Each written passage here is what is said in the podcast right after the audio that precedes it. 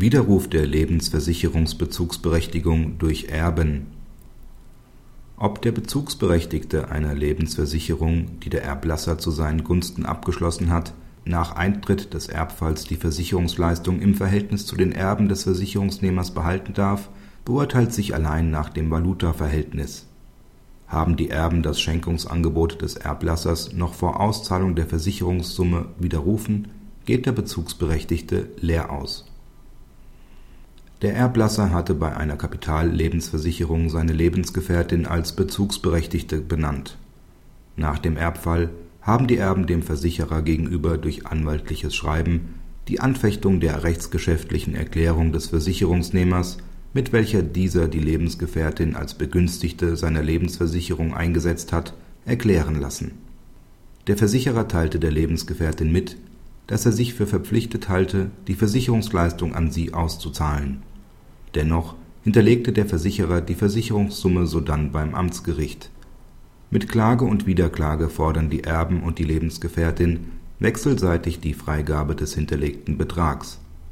Im Streit zweier Forderungsprätendenten über die Auszahlung hinterlegten Geldes steht dem wirklichen Rechtsinhaber gegen den anderen Prätendenten ein bereicherungsrechtlicher Anspruch auf Einwilligung in die Herausgabe zu, denn letzterer hat auf Kosten des wahren Gläubigers rechtsgrundlos die Stellung eines Hinterlegungsbeteiligten erlangt Wer wirklicher Rechtsinhaber ist, entscheidet das materielle Recht.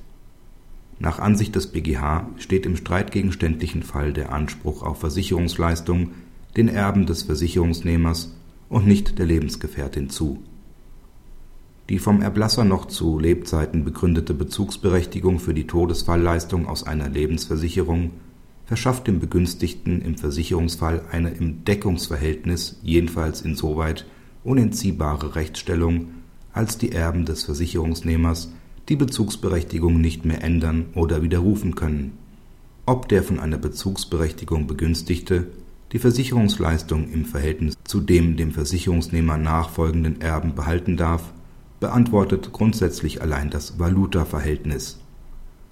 § 2301 BGB ist insoweit nicht anzuwenden.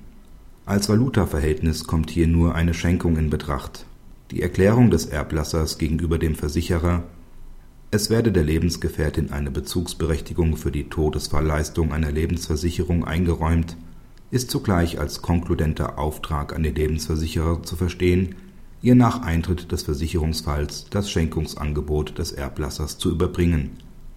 Ein insoweit mit Botendiensten beauftragter Versicherer erfüllt diesen Auftrag in der Regel durch Auszahlung der Versicherungssumme an den Begünstigten weil darin konkludent das Schenkungsangebot des verstorbenen Versicherungsnehmers zum Ausdruck kommt. Dieses Angebot kann der Begünstigte durch Annahme des Geldes schlüssig annehmen. Im vorliegenden Fall ist nach Ansicht des BGH ein wirksamer Schenkungsvertrag zwischen dem Erblasser und der Lebensgefährtin allerdings nicht zustande gekommen.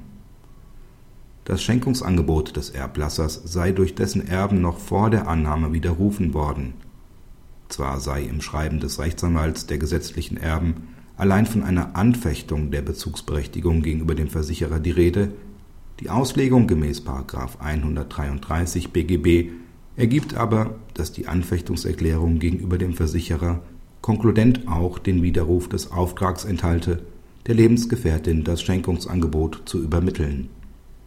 Praxishinweis Es hängt letztlich vom Zufall ab ob dem Bezugsberechtigten das Schenkungsangebot des Erblassers, übermittelt durch den Versicherer als Boten, oder die Widerrufserklärung der Erben als erstes zugeht. Leipold kritisiert in seiner Urteilsanmerkung, dass dies mit dem Grundsatz der Privatautonomie nicht vereinbar sei. Der Wille des Versicherungsnehmers, einen bestimmten Empfänger die Lebensversicherungssumme zuzuwenden, müsse geschützt werden er schlägt hierzu unter Hinweis auf andere Literaturstimmen vor, als zureichenden Rechtsgrund zum Behaltendürfen der Versicherungsleistung nicht den Schenkungsvertrag, sondern den Vertrag zugunsten Dritter anzusehen.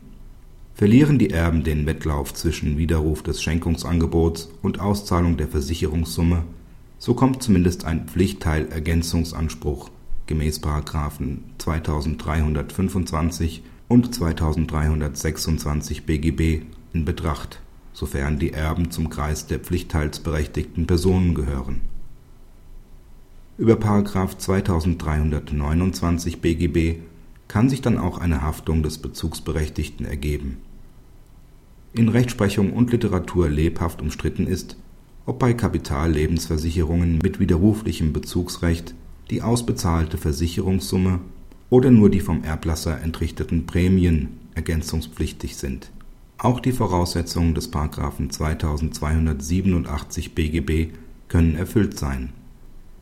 Wenn der durch einen Erbvertrag oder gemeinschaftliches Testament gebundene Erblasser Lebensversicherungsverträge zugunsten Dritter abschließt, so handelt es sich im Valutaverhältnis um Schenkungen. Zum Schutz des Vertrags bzw. Schlusserben können beeinträchtigende Schenkungen nach dem Tod des Erblassers vom Beschenkten, also vom Bezugsberechtigten, zurückgefordert werden